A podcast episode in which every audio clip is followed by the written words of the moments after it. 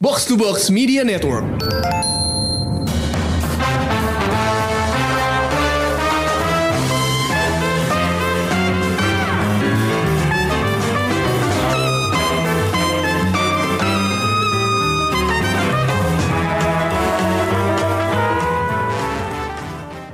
Halo, selamat datang di Showbox Podcast dengan gue Lisa.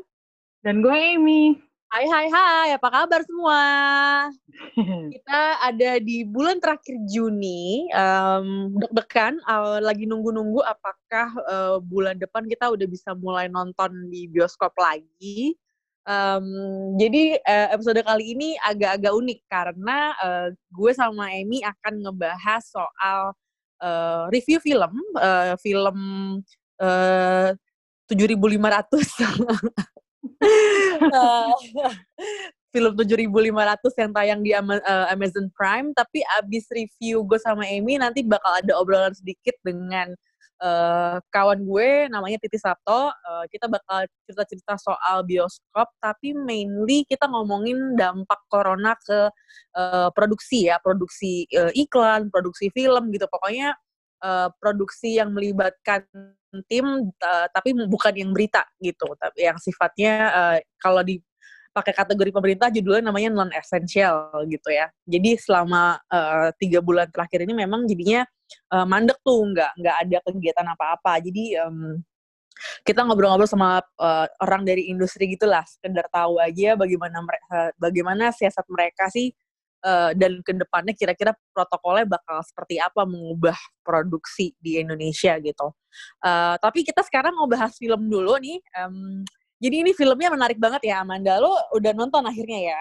Udah, udah nonton, iya. Terus terus terus uh, menarik ya, menarik ya. Karena karena ini tuh uh, film yang sangat uh, terpusat pada satu orang dan orang itu adalah uh, JGL, Joseph uh, Gordon-Levitt yang memang um, dia emang udah inilah udah jagonya dikasih uh, panggung untuk peran-peran yang kayak gini yeah. gitu. Maksudnya uh, setelah kita ngelihat dia di, di Split dan berbagai macam uh, film dengan karakter yang aneh-aneh ini mah udah ya expected lah from uh, a person we call JGL ini. Gimana menurut oh, lo? Menurut gue ini menarik banget setipe sama film kayak Buried yang waktu itu bintangin sama hmm. Ryan Reynolds terus uh, eh, yeah. ada Lock juga yang dibintangin sama Tom Hardy pemerannya hmm. cuma satu orang pemeran utamanya yeah. satu orang meskipun di sini dia nggak sesuai itu sih jadi ada pemeran-pemeran lainnya hmm. cuman uh, karakter uh, utamanya adalah karakter pilotnya si uh, yeah. Joseph Gordon-Levitt dan hanya Tobias ya namanya uh, dan hanya dia aja nih yang uh, yeah. yang muka eh, wajah yang dikenal di film ini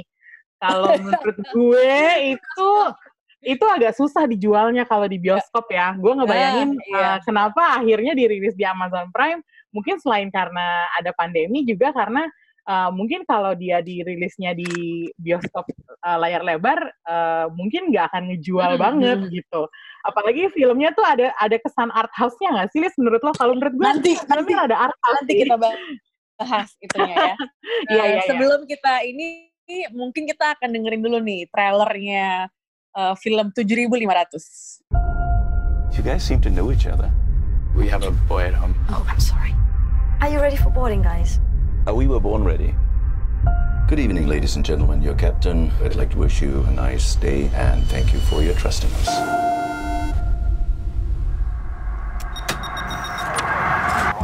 So, guys. Isha. European 162, what's your emergency? We have a 7500. Open the door! Several men attacked our cockpit. We stopped them for now. The captain is injured. Status of the crew, I don't know. They have a hostage. They're going to kill him if I don't open the door. You want other guys to die? Don't stop, please. I can't open the door. Let her go. Please. Please, I beg. Please but you know that under no circumstances you are allowed to let them to the cockpit. They don't have guns. They don't have knives. If you work together, you can beat them. It's okay. You're going to be all right. European 162, what's the status? Oke, itu dia tadi trailer dari film. Ini sutradaranya uh, Patrick Vorat. Uh, dia itu pernah mendapatkan nominasi Oscar tahun 2015 buat film pendeknya. Ini film pendeknya judulnya pakai bahasa Jerman nih. Lo ngerti nggak Amanda? Ale Ale with I hope I'm saying that right. Tapi intinya everything is alright, something like that gitu artinya. Hmm. Gitu. Jadi uh, jadi ini uh, memang suatu garapan yang menarik gitu ya. Um, di sini Jess, uh, si Joseph Gordon-Levitt dia bermain sebagai Tobias. Uh, dia seorang co-pilot yang berkebangsaan Amerika. Uh, jadi pilotnya orang uh, orang Jerman gitu. Memang settingnya ada di uh, bandara di Berlin gitu ya. Nah, si Tobias Tobias ini punya punya pacar namanya Gok Gokce. Bener gak sih ngomongnya Gokce tahu. ya? I mean she said it in the movie. Yeah. Only one. kayak did I say that right? Tapi ya udahlah, gok gokce gitu kayak. It's a part of the conversation di film itu sih sebenarnya how to pronounce the name karena itu nama Turki kan, which uh, yeah, yeah, later yeah, yeah, in the story itu it plays a role in the story lah nanti uh, identitas dia sebagai half Turkish gitu. Hmm. Anyway, mereka berdua ini si Tobias sama si Gokce ini punya anak, tapi mereka itu um, sebenarnya memang rekan kerja gitu kan rekan hmm. kerja dan jadi uh, terbang bareng gitu nah uh, film ini tuh uniknya. Ini kan karena baru uh, masih sesi non spoiler ya. Jadi uh, mungkin gue bahas secara general dulu nih selain ininya selain selain sinopsisnya. Ini tuh sebenarnya ceritanya uh, pembajakan pesawat yang sebenarnya udah banyak banget filmnya kayak gini. Um, cuman memang uh, dia fokus di satu ruang sempit yang namanya kokpit gitu. Hmm. Jadi kalau selama ini kokpit itu kan apa ya? Itu tuh kayak a sacred area yang semua orang tuh nggak bisa masuk gitu kan. Yang bisa masuk cuma boleh uh, petugas doang gitu ya. Apalagi setelah kejadian 9/11 ya. Kalau dulu tuh gue denger memang itu lost aja gitu. It's not uh, maksudnya nggak bukan da daerah yang kayak haram gitu loh, ngerti gak sih? Iya, iya, iya. Not a forbidden area gitu. Iya, jadi setelah 9-11 tuh memang ada protokol-protokol yang misalnya kayak pilot nggak boleh ngebuka uh, apa permintaan buka pintu apa pun yang terjadi di luar kan itu kan salah satunya kan mm -hmm. kayak gitu. Nah uh, jadi kalau tadi uh, Amanda bilang kenapa sih uh, uh, ngebanding-bandingin dengan Lock uh, atau uh, uh, yang klien Reynolds itu itu adalah karena emang a, a feeling of apa dia tuh kayak rasa klaustrofobiknya memang kerasa banget kan kalau mm. lo nggak suka ruang sempit uh, mungkin harus ada trigger warning ketika nonton film ini gitu ya. ya karena memang itu bener-bener uh, the entire movie itu adanya di satu area itu. Jadi sebenarnya filmnya murah ya nggak? Yeah. Mungkin kalau bilang art house, apakah maksudnya itu Amanda? Termasuk salah satu yang gue maksud adalah itu karena ya okay. uh, eh, budgetnya juga nggak terlalu banyak. Kayak hmm. oke okay, uh, dia ngasih lihat pemandangan di luar, tapi itu kayak you know dikit banget gitu. Sisanya no, it's pretty much gitu. uh, efek sih, ya nggak sih? Iya. Jadi kayak kita tuh bener-bener ditaruh di satu ruangan yang lumayan tertutup dan hanya ada pandangan minimal keluar keluar dan yeah. itu tuh uh, beneran kalau kata Lisa tadi kalau misalnya nggak ada trigger warning kita tuh bisa bisa cemas gitu. Ada orang-orang hmm. yang kan nggak nggak suka ruangan sempit dan gelap ya. Yeah. Dan ini hmm. kebanyakan hmm. satu film ini tuh lumayan gelap kalau menurut gue. yeah, yeah, salah yeah, satu yeah. dan salah satu uh, lagi ciri khas yang menurut gue art house itu adalah uh, kameranya juga nggak terlalu dinamis gitu. Kayak Betul gimana ya? Gue actually gue kaget loh karena ini ini film kalau actingnya jelek ini bisa iya. banget nonton ya. Iya, iya. Itu awalnya aja kalau menurut gue kan uh, film ini diawali dengan persiapan si Tobias dan pilot hmm. yang uh, pilot utamanya ya. Karena kan yeah. Tobias hmm. ini cuma co-pilot doang kan.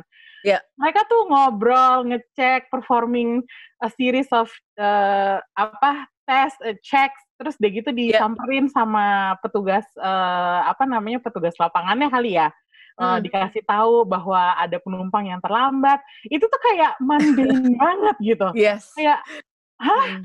ini filmnya kayak gini of course nantinya akan uh, akan lama lama ter, uh, terungkap bahwa pesawat itu udah yeah. dimasukin teroris. Cuman awalnya aja tuh beneran bikin gue kayak gue sampai nontonnya ya malam ya, jadi agak ngantuk-ngantuk gitu dan apa namanya uh, itu itu beneran kalau misalnya emang lo nggak siap, ada kemungkinan lo bisa give up gitu di awalnya. ya, ya, ya, ya. Jadi uh, film ini tuh dibuka dengan uh, adegan yang diambil dari CCTV di seputar airport. Hmm. Dan yang diliatin adalah si karakter-karakter yang nanti akan jadi terorisnya gitu. Hmm. Jadi memang dia sepanjang film itu nggak ada shot yang um, wide atau yang bagus, yang glossy, yang uh, lux gitu nggak ada ya. Gak Jadi ada, memang benar uh, pembukanya tuh cuman uh, adegan CCTV doang, ada yang lagi belanja di um, duty Shop. free, ada yang lagi diperiksa hmm. badannya, pokoknya kayak gitu gitulah rutinitas lo kalau di airport gitu kan nggak nggak hmm. Kegiatannya tuh nggak banyak gitu. Cuman uh, awalnya gue juga mikir ini kenapa pembukanya gini banget ya kayak nggak ada seru-serunya sama sekali kan kalau dilihat tapi setelah uh, hmm. nonton filmnya oh ngerti kenapa akhirnya diputuskan jadi kita dari awal udah tahu oh orang-orang ini nih harus kita perhatiin hmm. ketika mereka masuk ke iya, pesawat ya, betul. gitu. Um, mungkin itu dulu kali ya pembahasan non spoilernya atau ada lagi nggak catatan non spoiler yeah. sebelum kita masuk ke sesi spoiler? Kalau gue sih pengen cepet-cepet masuk spoiler, sesi spoiler. Hmm, Oke, okay. Oke, okay, kalau gitu kita langsung masuk ke sesi spoiler.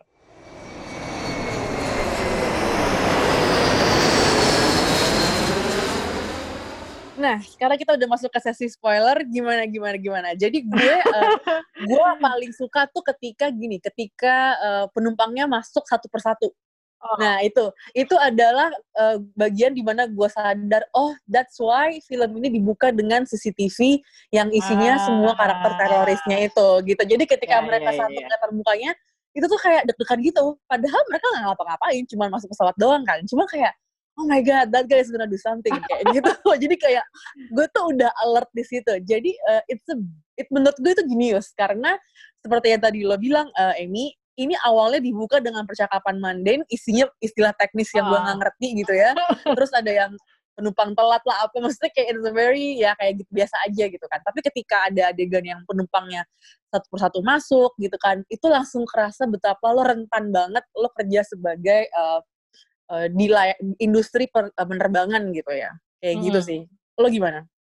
Kalau gue juga sama seperti lo uh, sequence di mana uh, penumpangnya masuk satu persatu, terus uh, hmm. sebenarnya kameranya tuh nggak fokus banget kan?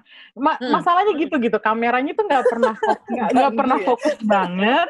Jadi dia cuma kayak sekedar nampilin footage aja gitu. Kayak hmm. ya udah nih gambar penumpang masuk ke pesawat gitu. Tapi uh, sebenarnya itu ada maknanya gitu kan. Jadi kayak kita tuh harus uh, kalau gue karena gue udah tahu film tentang hijacking, gue udah menebak niatnya si filmmaker. Uh, yeah. Gue tahu bahwa sebenarnya di situ tuh ada clue-nya gitu. Siapa hmm. orang-orangnya yang dimasukin ke pesawat hmm. ini, siapa yang kira-kira nanti bakalan berperan lah ya. Nah yeah. itu tuh udah gue udah mulai nebak, tapi hmm. tetap aja gue uh, apa namanya gue nggak nggak nggak menyangka bakalan tiba-tiba dar gitu, you know, kayak yeah, yeah, yeah, yang Uh, dari yang tadinya kalem suasana uh, ya mundane itu tiba-tiba terjadi kejadian di mana hmm. uh, mereka menyerang gitu dan yes. itu kayak kayak ngagetin sih terus tiba-tiba yeah. langsung gue bangun kayak yeah, yeah, yeah. oke okay, oh, now we're berarti talking. lo bangunnya pas ini pas yang salah satu teroris itu teriak Allahu Akbar ya iya iya iya iya, iya. Hmm, oke oke oke sebenarnya ini gue sebenarnya ya, uh, gue pengen ngomong dulu gue hmm. sebenarnya nggak suka banget denger uh, Allahu Akbar di film hmm. terutama film yang bukan film Asia ya karena kadang kadang-kadang teriakan Allahu Akbar tuh uh, sinonim dengan teroris gitu. Mm-mm. Tapi uh, kalau menurut gue di sini uh, secara apa ya, secara penggambaran terorismenya, uh, gue cukup appreciate dengan si sutradara ini uh, gak terlalu, you know, kayak uh, terorisnya nggak digambarkan pakai jenggotan, kayak gitu-gitu yes. loh. Jadi kayak masih lumayan subtle lah. Jadi waktu mm. dia teriak Allahu Akbar, gue yang ada bukannya kesel, tapi gue malah kayak wah kaget, excited gitu. Mm-hmm. Oke okay, oke. Okay. Jadi uh, ketika sebelum uh, pen penyerangan pertama ke kokpit itu, itu kan cuma diliatin CCTV da yang ada di ruang kokpit uh, para ha. pilot kan, uh, bahwa itu si apa uh, pramugarinya lagi pada siap-siap mau menghidangkan makanan dan itu ditutup apanya kordennya gitu kan, hmm. korden. Hmm, Jadi uh, pramugarinya beraktivitas dan di belakangnya ada gorden dan ditutup. Hmm. Nah itu pertama kali gue lihat itu ada tangan yang uh, ngebuka Gordon itu pelan-pelan kayak ngintip gitu. Oh. Nah, di situ gue langsung anjir itu apaan gitu. Tapi terus ada pramugari yang masuk lagi, lagi jadi kayak hilang uh, gitu kan, hilang. Uh -uh. Terus mereka ngobrol apa segala macam. Uh, kameranya kosong lagi dengan ada si satu pramugari di pojokan yang lagi yang lagi siap-siap. Uh -uh. Itu tangan nongol lagi dong kan merinding ya. oh. itu kayak bener-bener gue nontonnya kayak fuck itu apa? Itu orang. Tapi kok rendah banget posisinya. It's so weird gitu kan. Nah begitu si pramugarinya buka ngetok uh, pintu kokpit barulah itu jendela apa sih gordelnya kebuka dan dia teriak Allah Akbar. Dan akhirnya langsung nyerang ke ruang kokpit gitu. Jadi kayak uh, suspense yang dikasih sama sutradaranya untuk nyampe ke adegan penyerangan itu itu kayak menurut gue itu efektif banget. Karena cuma tangan terus ngintip. Gitu kayak ngeri banget ya itu kayak anjir nih ini film apa? Film Juon gimana? Kalau gue gue gitu. nggak merhatiin yang pertama. Gue gue agak miss tuh bagian itu. Atau mungkin gue lagi kayak nggak merhatiin layar atau gimana. Gue cuma notice yang kedua. Hmm. makanya gue yang kedua gue ya? langsung ya. kayak ha Allahu Akbar terus begitu kayak dia teriak Allahu Akbar gue teriak gue teriak Astagfirullahalazim gila uh, ya ya ya tapi gini kalau kita ngomongin soal Allahu Akbar dan ngomongin identitas teori terorisnya hmm. yang uh, orang Islam gitu ya hmm. itu menurut lo basi gak sih karena gue ketika ngedenger Allahu Akbar itu, gue tuh ngerasanya kayak, oh my God, come on, gitu. Kayak, do I have to sit another uh, uh, film yang soal ngomongin soal pembajakan, tapi terus terorisnya Islam gitu kan. Maksud gue yang kayak, aduh ini udah bosen banget. Kayak yeah, udah yeah, yeah. udah tahun 2020 itu kayak dari 2000, tadi itu 2000, 2009 September 19 eh berapa 11 September. 11 September. 9-11. 9-11 tuh udah kapan tahu gitu kan. Kayak please let us move on from the stereotype gitu. Kalau gue hmm. tuh sempet berpikir kayak gitu. Kalau lo gimana? Kalau menurut gue di sini tadinya gue juga sempat mikir kayak gitu. Cuman uh, seperti tadi yang gue bilang, uh, gue appreciate dengan gambaran terorisnya yang gak tipikal. Jadi uh, kan uh, terorisnya ada uh, ada yang tuanya terus ada yang mudanya kan dan hmm. mereka itu nggak yang tipikal berjenggot terus wajahnya nggak terlalu wajah mereka tuh lebih Mediterranean daripada Middle hmm, hmm. Eastern jadi hmm. uh, makanya gue nggak ngeh pertama kali hmm. mereka disorot itu bahwa mereka adalah teroris tuh gue nggak ngeh karena uh, hmm. they look just like anyone kayak they could be hmm. Turkish gitu loh dan mm -hmm. apa namanya they could be Greek appreciate bahwa uh, hmm. tampilan luarnya itu gak terlalu uh, Muslim tanda kutip hmm. gitu. Yeah. Uh, tapi memang eh, emang udah basi sih kalau menurut ya gue. Iya kan, kayak uh, lelah aja. Tapi nggak gitu. tahu ya, mungkin like we need something new. Iya, tapi tapi uh, mengingat bahwa film ini dibikin sama sutradara Jerman kan kalau nggak salah si Patrick Vollrath itu orang Jerman hmm. kan ya iya ya Jerman jadi uh, gua nggak uh, gimana ya gua nggak uh, menangkap ada kesan Islamofobianya Hollywood gitu hmm, okay. jadi uh, mungkin ya itu klise uh, sekarang udah tahun 2020 uh, jangan lagi samakan Islam dengan teroris gitu. Yeah. Cuman kayak apa namanya mungkin untuk untuk Patrick Vollrath di di lingkungan Eropa yang lagi kisruh gitu jadi mungkin hmm. masih relevan kali. Gitu. Hmm, ya yeah. mungkin itu we have to just the uh, si yeah. Joseph Gordon-Levitt happen to be like an American pilot, tapi sebenarnya yeah. orangnya memang di Eropa Dan di kalau nggak salah penulisnya Jerman. juga uh, orang penulisnya tuh tadi gue baca-baca uh, orang Bosnia. Orang Bosnia, orang Bosnia tapi terus kebangsaannya Bosnia uh, Austria. Iya, gitu. jadi ya, karena ya. ada latar Senat, namanya itu, Senat Halil Halil Basic, Halil Halil Basic, Halil Basic. Ya. Iya, jadi kalau misalnya uh, pas gue baca, oh uh, ini yang nulis uh, latar belakangnya ada keturunan Bosnianya. Uh, Bosnia kan uh, ada Muslimnya juga kan. Jadi gue kayak mm. berpikir, oh mungkin ini masih memang masih relevan buat orang-orang ini untuk si sutradara dan si writernya. Jadi gue ya. nggak yeah. langsung menuduh halo uh, apa namanya lo Islamofobik banget sih gitu. Mm. Makanya setelah mengetahui lebih lanjut tentang latar belakang filmmaker dan penulisnya, gue jadi agak-agak oh oke okay, uh, ya jangan jangan terlalu judgmental lah gitu. Ya ya ya ya.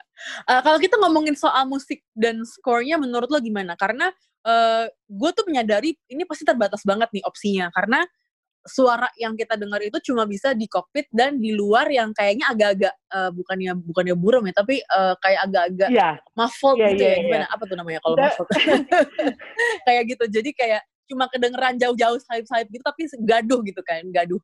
Uh, nah itu menurut lo uh, gimana Amanda? Karena gue ngerasa itu suatu tantangan tersendiri buat filmmakernya um, untuk menghadirkan um, skor yang keren, terutama ketika kita dikasih suara e, pintu digebuk berkali-kali ya. Itu gue hmm. stres sendiri sih nontonnya. Iya. Karena kayak please stop banging on the door. Karena it's giving me anxiety gue yang kayak please don't. itu juga salah satu uh, hal yang membuat gue mm, bilang film ini art house karena gak pakai scoring kan mungkin karena gak ada budget juga cuman cuman uh, tapi efeknya jadi jadi positif kalau menurut gue karena yeah. uh, selain untuk uh, faktor atmosfernya jadi lebih mencekam dengan suara gedor-gedor yang gak berhenti itu itu juga yeah. uh, akhirnya kita jadi uh, bisa fokus ke dialog sama ke hmm. acting dan uh, apa ya ya suara kecil-kecil yang tadi lo bilang itu kayak yeah. ada suara orang ngomong ada yeah. suara uh, static radio ada iya, suara yeah, itu kayak hujan gitu tapi ngaruh ya buat iya, uh, psikologis yeah. kita sebagai penonton jadi kalau menurut gue ini sebenarnya uh, uh, if it's a challenge for them I think they overcame it karena kalau menurut gue efektif jadinya untuk film semacam ini ya. ya. Kalau dia bikin romcom mungkin belum tentu belum tentu berhasil, cuman karena ini filmnya dibikin sebagai thriller, jadi kalau menurut hmm. gue sih efektif banget. Hmm. Kalau kita ngomongin uh, the JJL himself si Tobiasnya ini menurut lo gimana? Oh. Apalagi kalau mungkin kita mungkin langsung bandingin aja sama uh, ininya ya, sama Vedat. Ini jadi Vedat tuh siapa ya namanya? Omid, uh, Omid Mem Memar. Omid Memar, iya. uh, jadi uh, Tobias ini sebagai protagonisnya dan antagonisnya ada empat terorisnya, tapi yang uh, diutamakan ini yang Fed, yang namanya Vedat dan diperankan oleh Omid Memar. Nah ini gimana nih kalau lo ngeliat dua orang ini? Karena uh, menurut gue, gue seperti biasa, menurut gue yeah. Degal tuh he, he delivers lah, ya kan? Uh, sebagai seorang pilot yang uh, mendapatkan tekanan dari ini dari teroris sampai akhirnya uh, ini kita ada spoiler ya hmm. akhirnya uh, kekasihnya sendiri tuh harus jadi hmm. jadi korban gitu kan itu itu ngilu hmm. banget sih ngilu banget dan dan itu bisa gue rasakan dari penampilan performa actingnya Jason Gordon-Levitt. Kalau gue, uh, gue jujur aja ya, kan ini film tadinya mau diperanin sama Paul Dano. Ya. Uh, bukan Joseph Gordon-Levitt. Joseph Gordon-Levitt hmm. masuk setelah Paul Dano uh, keluar dan hmm. gue nggak kebayang. Ini karena masalah schedule aja kan? Iya, ya? nggak ada masalah yang gimana-gimana, cuman karena masalah ya. schedule, karena produksinya terhambat gitu kan.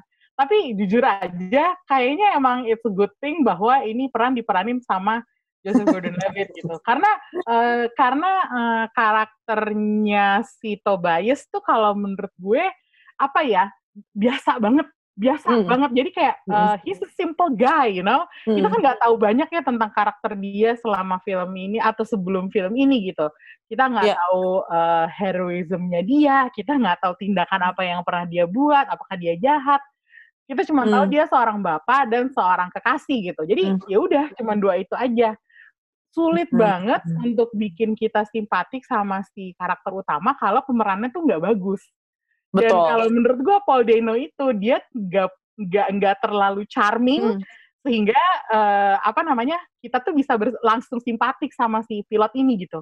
Jadi iya lagi tapi si JGL juga lebih terkenal nggak sih daripada Paul Dano so iya, like iya. the movie sebenarnya.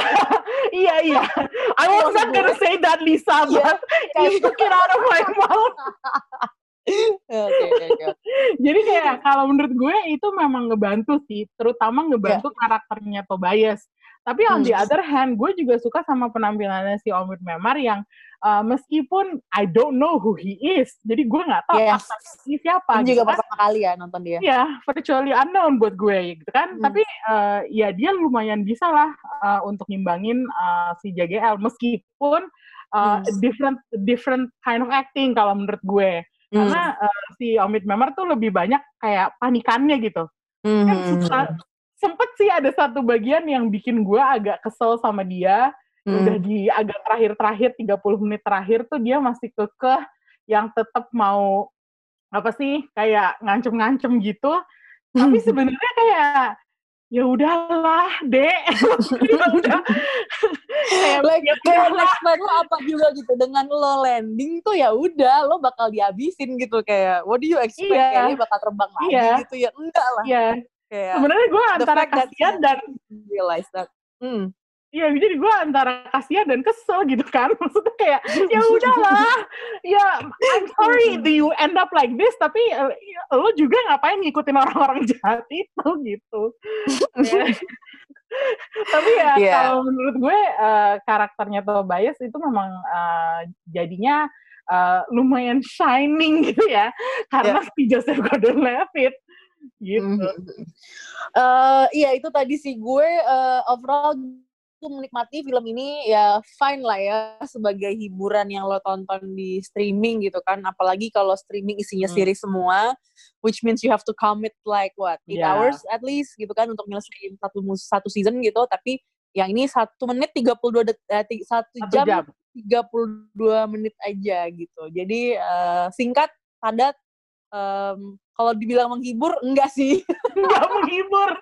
Nggak menghibur sama sekali. Eh, seru.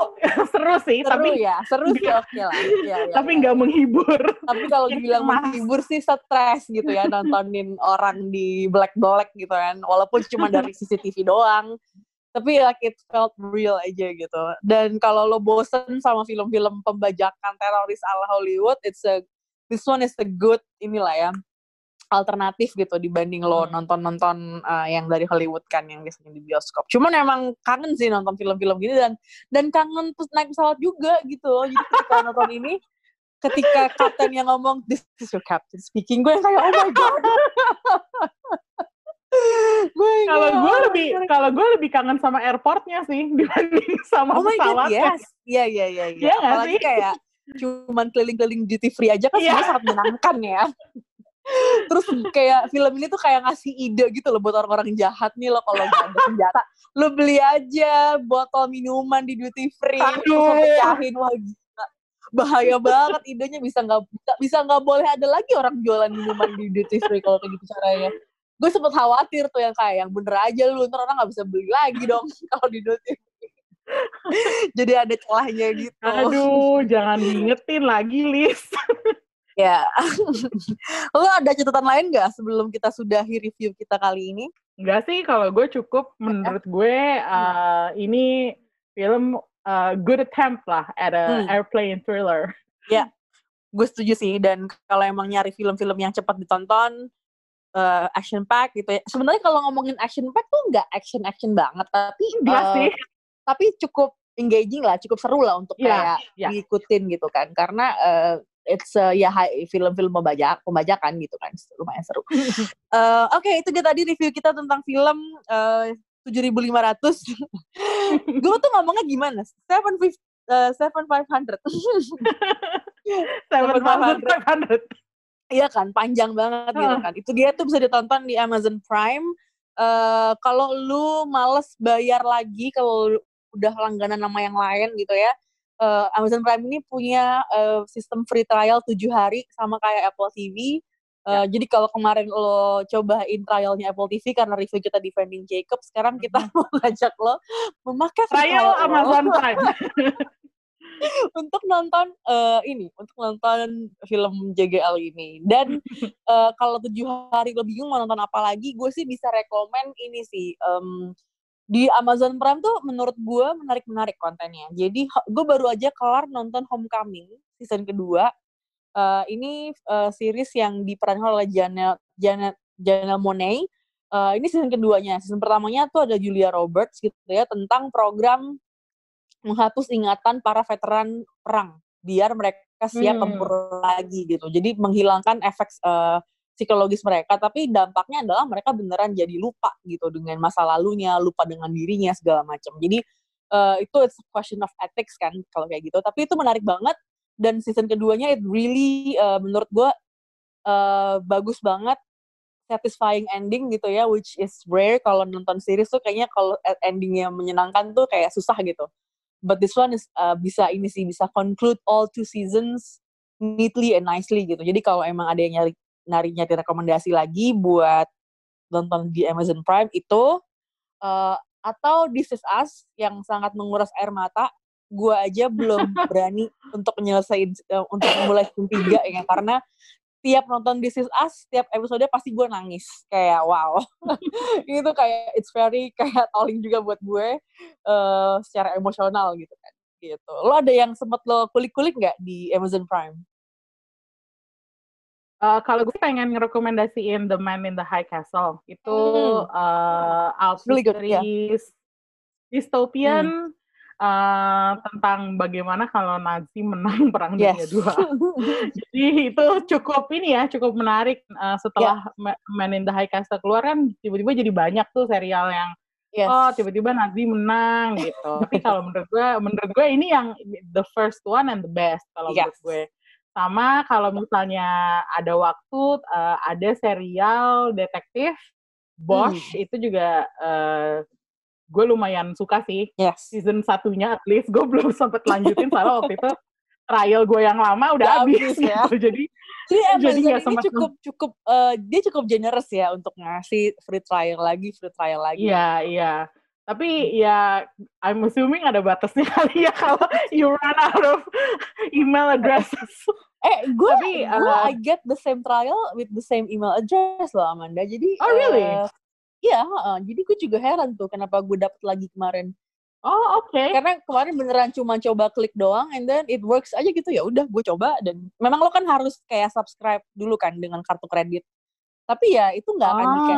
nggak akan di charge sampai masa trial lo kelar. Jadi begitu udah masuk, gue udah kelar nonton filmnya, gue unsubscribe aja. Jadi sekarang itu masih bisa dibuka, masih bisa playing, tapi ya dia Oh, nggak bakal oke. charge di hari ketujuh gitu. Kalau gue soalnya tetap uh, uh, kar- credit card numbernya sama, tapi emailnya beda. Jadi kayak uh, Hmm. seakan-akan gue bikin account baru dengan uh, kredit Ya. yang sama gitu. Karena gue uh, Jadi pengalaman- buat temen iya, temen banyak cara menuju Roma, banyak nonton film grat, eh, film gratis dengan legal. Kalau lo mau repot dikit bikin email baru, ya nggak sih? It- Iya. It's possible gitu. Oke, itu dia tadi ya review kita tentang film eh, 7.500. Eh, nonton aja ya, ya nggak sih? Seru, Ya. eh, singkat, padat, eh, menarik gitu ya.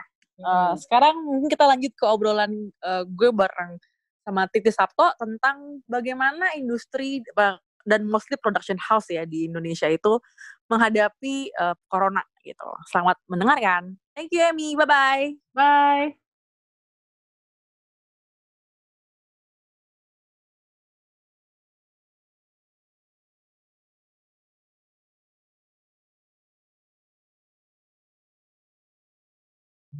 Thank you banget yang udah dengerin uh, review kita kali ini dan biasanya kan kalau abis review udah ya kita kelaran. Kali ini gue bakal ngobrol-ngobrol sama temen gue Titi Sabto. Hai Titis. Alis. Jadi uh, gue nodong Titis untuk ngobrol-ngobrol soal uh, pengalaman kita ke bioskop sebenarnya. Karena ini tuh kita mau ngobrolin sebenarnya di era new normal ini gimana sih uh, kita harus ke bioskop dan Titis ini kan juga uh, produser ya. Nanti lo cerita aja Tis, lo lagi ngerjain apa. Uh, dan gue juga mau tahu sih sebenarnya persiapan uh, dunia produksi itu uh, di tengah pandemi kayak gini tuh kayak gimana sekarang. Nah, kayak gitu sih. Jadi ntar kita bakal ngobrol-ngobrol. Uh, cuman uh, awalnya emang gue sebenarnya pertanyaannya ini sih, Tis. Lo kangen gak sih ke bioskop? Karena gue udah, gue at this point lihat iklan tenetnya uh, Chris Nolan aja tuh udah pasrah kayak kayak gue gak akan nonton. Jadi nonton gak ya? Kayak entah kapan gitu loh. Ya, kan? Gitu kalau gue. Lo gimana, Tis? Udah lupa ya atmosfer bioskop tuh kayak gimana. Misalnya kayak, kayak di Twitter kayak kangen dibisikin all around apa all around Iya bener, bener bener. Kangen eh, kalau di 21 tuh kangen makan tahu eh, Oma Giok Tahu nggak? Iya iya iya iya benar. Tahu tahu paling enak seibu kota kalau menurut gue tahu ikan omegiok itu. Uh, terus ya udah sambil nunggu film apa-apa gitu ya udah duduk-duduk aja gitu kan di di area bioskop yang uh, dingin dan nyaman itu gitu. Karena emang kita udah terbiasa ya dari dulu misalnya kita punya uh, kita ya, kita memang suka film. Iya. Suka gue gue gue sebelum uh, COVID-19 ini kan gue ke bioskop tuh bisa seminggu tuh bisa tiga kali gitu ya. Uh, bisa terus maksudnya nggak uh, cuman yang nonton sendiri aja gitu, cuma kan ada yang masalah uh, kerjaan juga gitu kan kita di, diundang uh, screening apa segala macem gitu. Jadi bioskop tuh udah kayak jadi rumah kedua nggak sih? Walaupun kita nggak tinggal di situ, cuma kita menghabiskan banyak banget waktu sebenarnya di bioskop gitu. Ya sebenarnya dikangenin dari pandemi ini adalah kebiasaan-kebiasaan dulu gitu, kebiasaan-kebiasaan yes. yang udah biasa kita lakukan tapi hilang gitu tapi salah yeah. satunya ya nonton bioskop gitu bahwa Yo. kita udah biasa uh, ke lantai 6 itu atau ke lantai 5 dari sebuah mall gitu masuk. Yeah, yeah, yeah. Terus kita ngeprint MTX gitu kan. Terus yeah, yeah, kita ke iya. kafenya dulu, duduk-duduk, duduk-duduk ngelihat jalan, ngelihat keluar gitu. Sampai iya. akhirnya yeah. ada pengumuman untuk masuk. Ya maksudnya itu, yeah, hal-hal yang dan apa? Oh ya dan habis itu kita sebelum masuk ke toiletnya yang bersih itu gitu kan. Maksudnya kayak toilet yang mewah itu gitu. Apalagi itu biasanya kalau mau ngedate dan dan dulu tuh gue yeah. di toilet ya kan?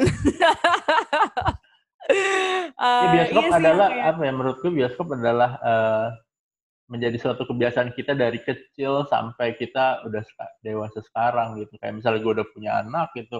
Gue yeah. jadi bisa merasakan bahwa bioskop udah melalui menemani kehidupan gue gitu. Sampai Yes. Ya, jadi apa yang kita kangenin itu ya valid gitu dan tiga bulan nggak ada itu ya, yeah. menurut gue jadi kosong sih gitu. Jadi betul. Jadi akhirnya lupa. Jadi, apalagi gitu. sekarang nih kita udah memasuki summer movies ya harusnya ya. Jadi tuh kita harusnya tuh sekarang lagi ngomongin film-film yang aneh-aneh ya nggak aneh sih, cuman yang bagus-bagus lah yang ada di Iya, ya Tenet lah banyak kan terus nggak cuma Tenet doang. Gue bahkan pengen banget nonton kakak yang di desa penari yang okay. harusnya tayang Maret kemarin itu. Yeah, Terus yeah. gue juga pengen banget nonton A Quiet Place 2 yang juga harus tayang Maret. Jadi kayak banyak banget film-film yang sebenarnya pengen gue tonton tapi ya jadi ketunda karena uh, bioskopnya tutup kan. Dan sejujurnya sih gue worry ya ketika nanti bioskop buka lagi nih misalnya. Uh, terus kapasitasnya cuman misalnya setengah setengah setengah kapasitas cuman 50% kayak gitu. Uh, berapa ya harga tiket yang harus gue bayar? Apakah gue harus bayar dua kali lipat karena bioskop harus nombokin misalnya? Ya, gitu. ini sebenarnya kalau ngomongin. Ya, Terus ya. kalau kedua masalah protokol kesehatan juga sih gitu, karena kan itu hmm. sebenarnya ruang tertutup ya, dan ya. potensi lo ketularan itu sebenarnya selalu ada lebih besar tuh kalau di ruang tertutup kan, karena sirkulasi udara.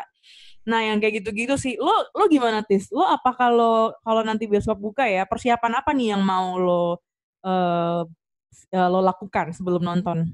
Ya sebenarnya menurut gue nih sama aja kayak kita ngomongin industri travel, industri penerbangan yang hmm. katanya hmm. kalau nanti udah normal lagi ya harganya akan melambung gitu kan. Apa kita hmm. akan travel lagi? Ya kan kita belum tahu. Nah kalau bioskop menurut gue sih uh, mau nggak mau mereka harus harganya tetap ya Lis. Maksudnya uh, kalau naik menurut gue makin orang nggak pingin ke sana nggak sih? Selain dari faktor kesehatan tadi. Nah, iya, tapi kalau nggak naik, dia tuh cuma bisa setengah 50% capacity kan? Kalau menurut gue gini loh, jadi uh, bioskop agak, gue bukannya menjas bioskop, bioskop agak kehilangan fungsinya di masa pandemi. Karena orang, hmm. instead of kita mau having fun nonton ke bioskop, kita mau melepas stres, malah kita menambah stres gitu. Menurut lo kayak gitu nggak? Iya sih, jadi karena gini, jadi kepikiran, jadi kepikiran gitu, kan. gitu. Ini kayak ini bersih nggak ya? Ini yeah. apa nggak ya? I'm sure, menurut gue yakin sih bioskop tuh pasti akan melakukan apa sih semua protokol yang di, yeah, yeah. diminta gitu ya. Cuman tetap aja kayak you'll never know. Kita nggak uh, tahu siapa yang udah naruh pundak di sebelah iya, uh, kursi kita gitu. Kita nggak hmm, tahu kita bersentuhan dengan orang yang kayak gimana gitu. Iya. Jadi nah sekarang pertanyaan gue, lo uh, kalau misalnya itu emang lo siap nggak balik ke bioskop lagi sampai vaksinnya ketemu gitu tis? Ya nggak mungkin ya. Nah itu dia. Gue aja kemarin dikirimin iklan tren tubusan apa tuh peninsula aja gue udah kayak aduh gimana nih kalau ini?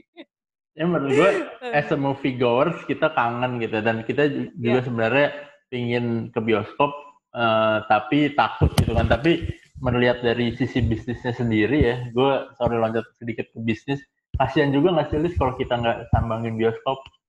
Nah itu dia tuh. Gue kan pengen banget ya tetap, orang tuh tetap produksi tetap bikin uh, karya gitu kan. Hmm. karena gue sangat menikmati karya-karya itu gitu.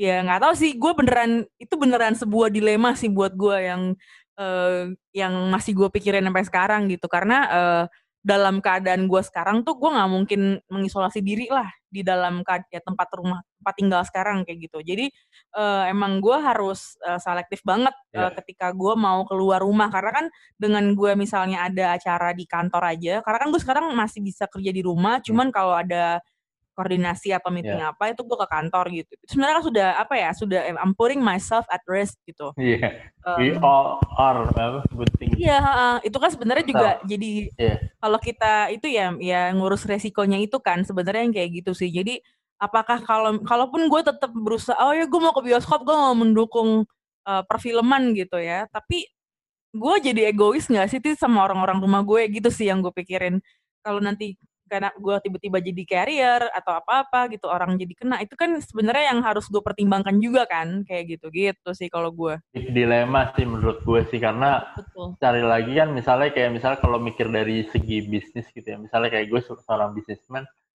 hmm. ingin sih sebenarnya untuk uh, uh, lockdown dulu gitu tapi ya akhirnya orang-orang di sekitaran gue pada nggak lockdown gitu dan iya, ekonomian perekonomian dibuka sama pemerintah gitu. Jadi kayak yeah. dan gue mikir juga akhirnya memang tiga bulan ini menjadi tiga bulan salah satu tiga bulan terberat dalam uh, bisnis gue gitu karena yeah. syuting nggak bisa yang kayak gitu-gitu loh. Eh, lo mungkin cerita dulu tis, uh, lo ngerjain apa nih biar oh, yang yeah. denger juga pada tahu gitu.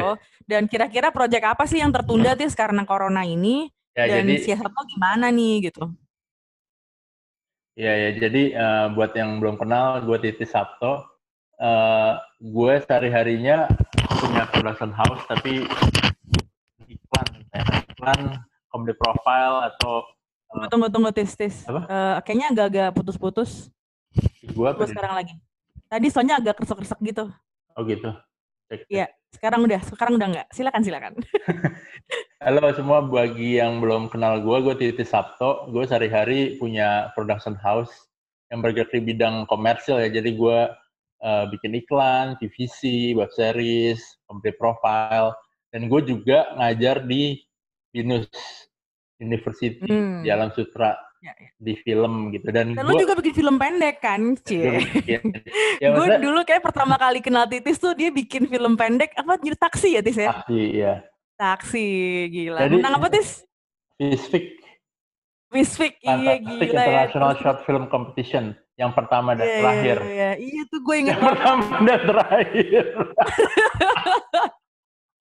uh, terus terus terus iya cerita gimana nih? Ya gimana jadi gue apa punya beberapa pandangan ya sebagai gue mengajar film, mengajar fakultas film di masa pandemi dan bagaimana gue menjalankan bisnis production di masa pandemi itu menarik hmm, banget sih. Kita mulai dari gimana? production ya. Di awal hmm. Maret itu gue sempet masih syuting list waktu itu. Hmm, kan kita Maret tuh uh, minggu kedua ya mulai work from home tuh kayaknya sekitar tanggal tanggal 23. 23 ya, bukan 16 ya? 23 kalau nggak salah ya. 23 ya. Berarti tengah-tengah bulan 16, gitu kan. Iya, pokoknya gitu. Nah, gue itu tanggal hmm. 13 14 masih syuting waktu itu karena mau nggak mau hmm. mereka katanya mau ngejar buat puasa gitu, buat lebaran. Okay. Itu project apa tuh? Project web series sebuah bank, iklan? Uh, iklan series gitulah tapi sebuah iklan bank ya. Iya. Oke, okay, oke. Okay. Terus terus uh, itu agak susah juga, agak tricky karena di satu sisi pihak banknya itu juga sebenarnya nggak mau syuting tapi mau nggak mau harus jalan karena bosnya harus uh, udah ngasih lampu hijau dan tayang segera gitu kan ya udah akhirnya hmm. mau nggak mau kita harus mengurangi kru list gitu hmm jadi lo uh, biar nggak mengurangi kerumunannya itu kerumunannya ya kerumunannya itu dan eh, kasihan banget dong kalau yang tadinya udah dapat job terus lo kurangin. Misalnya gini, misalnya kan ada per departemen nih, misalnya ada departemen yeah. kamera, ada departemen art gitu kan, yeah. ada klien dan agency gitu, misalnya ada talent dan lain-lain dan makeup artist, wardrobe gitu kan. Misalnya tadi listnya krunya ada total 80 orang gitu kan. Mm-hmm. Nah mau nggak mau kita harus ngomong ke head masing-masing department gitu. Bahwa dalam pandemi mm. ini uh, kita lagi menerapkan untuk social distancing awal-awal waktu itu kan. Mm. Mau nggak mau ya kita kerjanya harus seefektif mungkin gitu. Jadi kalau bisa yang misalnya tadinya art punya 12 orang ya mau nggak mau harinya bisa 8 masuk Hmm. Misalnya dia tetap mau 12 orang, tapi ya empat nge-build build set, empat orang itu nanti pulang, sisanya misalnya delapan. Jadi lokasi. 50% kapasitinya itu kan? Iya. Hmm, oke. Okay. Dan dari klien dan agensi pun gitu dan dari kita udah nyediain semua uh, peralatan ini apa? Mm -mm. Ya protokol kesehatan gitu, hand sanitizer, yeah, yeah, yeah. masker uh, selalu ada gitu dan social distancing ketika syutingnya. Jadi uh, tempat klien, tempat agensi, dan tempat talent itu benar-benar jauh-jauhan banget sih. Hmm, oke. Okay. Nah, sekarang project apa yang uh, ada nggak project lo yang ketunda karena pandemi dan itu gimana tuh kan lo sebagai PH nih, hmm. lo kan sebenarnya di pihak terakhir nih ya antara abis dari klien sama agensi gitu kan. Hmm. Uh, nah itu tuh gimana tuh tekanan dari mereka ada nggak tis? Uh, kalau ngomongin project tertunda sih, gue mungkin mewakili dari teman-teman PH yang merasakan bahwa proyeknya tertunda hampir, menurut gue hampir 90% proyeknya tertunda selama tiga bulan. Ah, gila. Dan gagal, menurut gue gagal karena gini loh, perusahaan tadinya punya uang nih Lis ya, yeah. untuk membuat sebuah uh, iklan ataupun series ataupun apa pun itulah yeah. bentuknya form promotion form lah ya.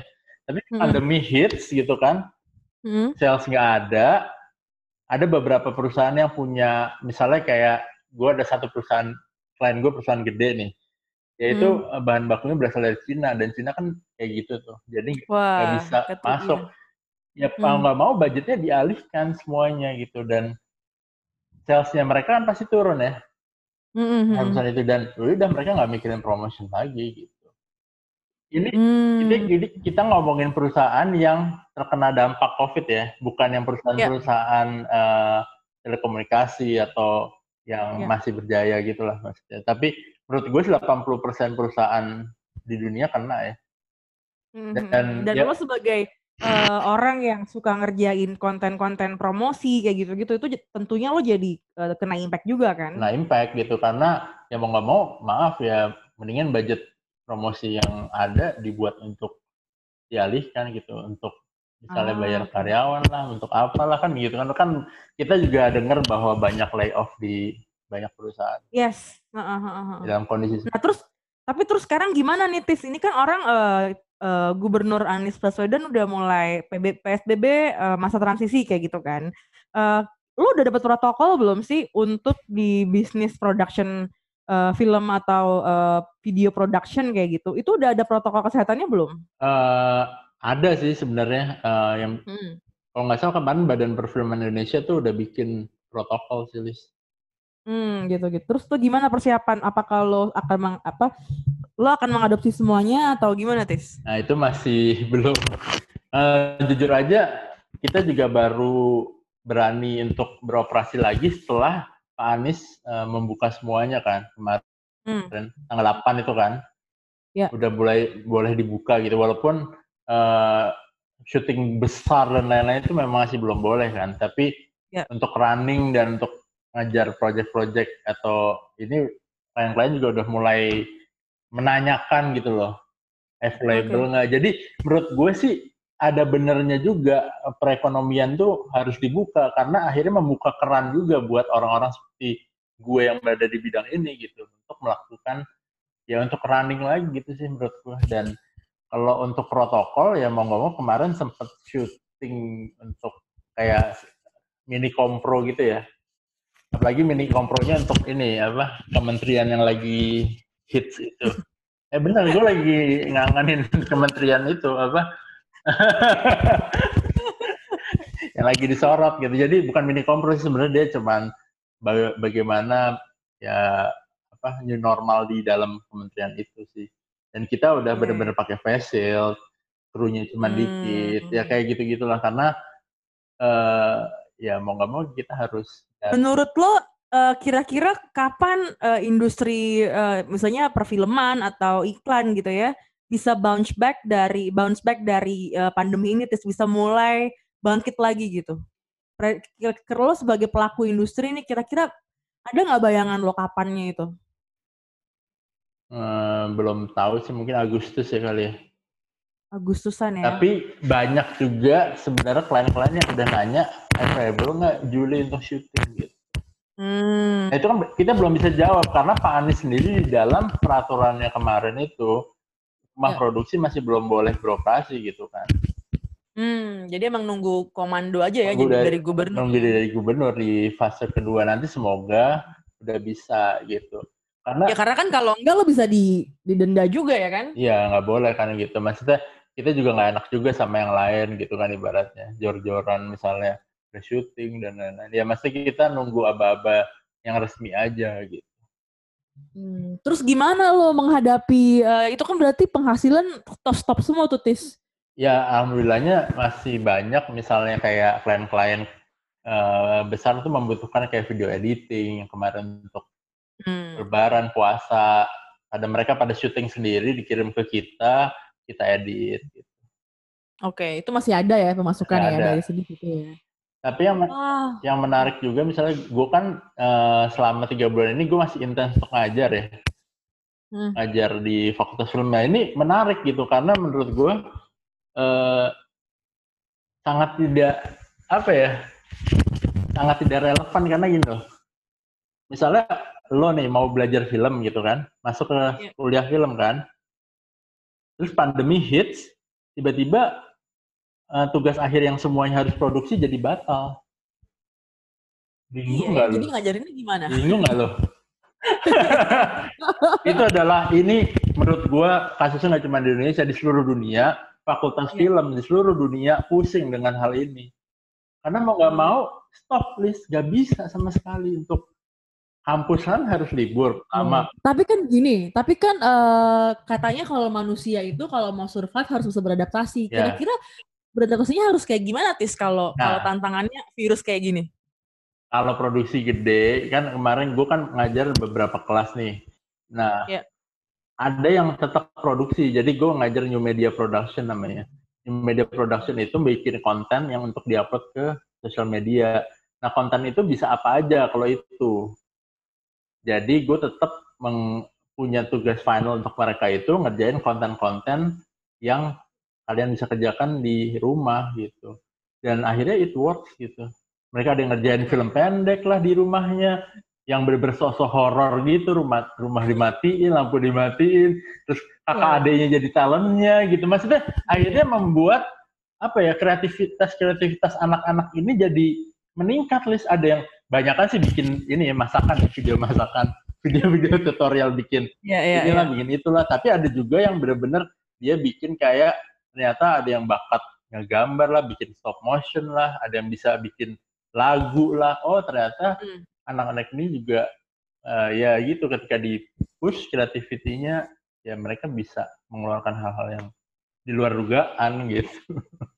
Oh gitu. Tapi ya sadly apa kalau di mata kuliah gue kan masih oke okay, bisa, tapi kalau di mata kuliah seperti production workshop gitu yang harus uh, ngasilin satu film pendek gitu ya terus apa uh, mau nggak mau pending ya nggak sih? Mau nggak mau pending, mau nggak mau hanya sampai ke tahap proposal sama ya director uh, dan uh, apa director board aja gitu, director treatment aja ya udah. Hmm. Sedih ya. Sedih banget gue dengernya karena uh, itu kan berarti uh, pushback ya buat industrinya sendiri kayak nah, gitu bener, kan. Dan, bener. Dan uh, dan ada ada yang ada yang mau dikreasikan dan harusnya mungkin bisa jadi groundbreaking dan kita nggak bisa ngeliat itu gitu. Iya itu benar loh, benar. Ya, cuman ya itu sih memang nggak bisa ketebak endingnya kapan juga gitu kan. Ini kayaknya menurut gue we're in this for the long run aja karena uh, banyak banget berita uh, vaksinnya sudah mulai ditemukan apa segala macem tapi gue tetap pesimis gitu karena yang gue tahu vaksin itu nggak bisa cepat gitu paling nggak bisa setahun dua tahun jadi kalau ada berita kayak gitu gue tetap nggak nggak nggak nggak excited juga sih karena ya yeah, yeah. karena emang ya nggak bisa segampang itu juga nemuin obat nih. Iya. Nih, Liz. Ini gue share screen. Ini nanti lo bisa edit juga. Liz. Ya, ya. Ya, ini gue share screen, lo lihat. Nanti gue kirim dulu. Lo lihat nggak? Ya, protok protokol ya. Ini ini buat teman-teman ini kita kan recordingnya via Zoom ya. Yeah. Ini tuh share ke gue nih protokol produksi audiovisual dari Badan Perfilman uh, Indonesia. Indonesia, gitu. iya. Oke sih, ini udah menurut gue udah ini ya, udah udah cukup siap gitu. Udah cukup siap gitu karena Ya. dia benar-benar mencakup semuanya gitu. Jadi kayak praproduksi dilakukan secara online. Tuh, tim Ya. produksi harus memiliki informasi kontak fasilitas Ya. kesehatan, transportasi dilakukan peraturan PSBB. Ya, Ya. mau nggak mau memang karena industrinya harus berjalan Lis, gitu. Ya, Kita nggak bisa. Dina- dan ini tuh eh, rapi ya. Maksudnya ini bener-bener menurut gua tinggal nunggu eh, peraturan pemerintah aja sih. Iya benar. PSBB-nya kayak gimana. Makanya mungkin ini belum eh, rilis di mana-mana mungkin karena memang masih Hmm. nunggu ya pemer- pemerintah. Iya, masih internal juga kali ya. Ini karena lo sebagai pelaku, lo dapet deh nih si dokumen ini nih. Iya benar. Karena gini kan di Indonesia prinsipnya ada, wih ada dokumen ini dikirim, dikirim, dikirim, dikirim. Akhirnya semuanya tahu. Iya, benar. Betul, betul, betul. Oh, tapi ya, tapi yang gue heran ya, sebenarnya gue nggak mau menjudge lagi ya ini ya. Ini cuma ngobrol ya. Gimana, gimana? Ngobrol apa nih? Jadi Kalau ngobrol sama Titi sih banyak gosip ini. bukan, bukan gosip. Jadi gue ada sempet bingung gitu ketika eh, rumah produksi dihentikan, maksudnya produksi Hmm. besar seperti film, iklan dan lain-lain dihentikan, industri TV tetap berjalan. Padahal menurut gue, ini sorry ya buat yang pada denger itu yang kerja di TV atau lagi terlibat di TV, karena teman gue juga banyak di TV gitu. Ya industrinya akan selalu bersinggungan gitu, dan gue juga banyak bekerja sama orang-orang TV. Tapi industri TV ini terus berjalan nih, gitu. seperti Hmm. biasa. Padahal secara praktek itu sama. Hmm, Nah, menarik sempat- juga tuh. Iya benar. Karena kan kalau dari peraturan pemerintah eh, Media boleh. media itu termasuk yang esensial, jadi boleh tetap berjalan gitu kan? Iya, tapi kan TV, mas begini loh. Lo Hmm. misalnya produksi satu konten gitu kan, ya Iya. kemarin misalnya yang sahur-sahur, Hmm. lu sempet nonton tuh. Ini tetap ada penontonnya, terus yang talent-talentnya juga pada berdeketan. Apa bedanya Hmm. sih sama kita syuting biasa gitu? Bener juga loh, Tis ya. Ya bener dong, iya kan? Kayak lagi gue tidak menjudge orang TV, temen orang-orang TV banyak temen gue, jadi gue cuman bingung aja gitu. Ya, Apa ya, ya, bedanya ya. syuting gue, syuting film sama syuting TV gitu. Karena semuanya sama gitu. Literally. Dan anak-anak TV selama PSBB kemarin masuk semua, Lis. Iya emang. Iya kan? Hmm. Karena kan beritanya harus eh, produksi terus ya. Iya, makanya. ya itu itu, Ya. itu ya ya udah itu ya udah itu hanya menjadi ini Ya. gua aja gitu yang nggak usah dibahas terlalu terlalu dalam juga apa-apa. Nanti yang dengerin bakal rame nih. Ntar kan Twitter udah bisa audio. Ini nih Titi Sabto ngomong kayak gini nih.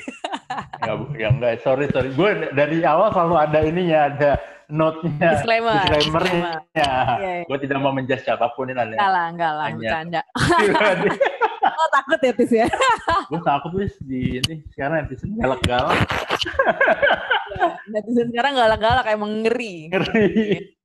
ya gitu. Ya udah, Jadi gitu dulu kali ya obrolan ringan kita tentang kerinduan kita ke bioskop, terus juga eh, efek pandemi ke dunia produksi yang sampai sekarang belum juga jalan karena masih dalam transisi PSBB gitu.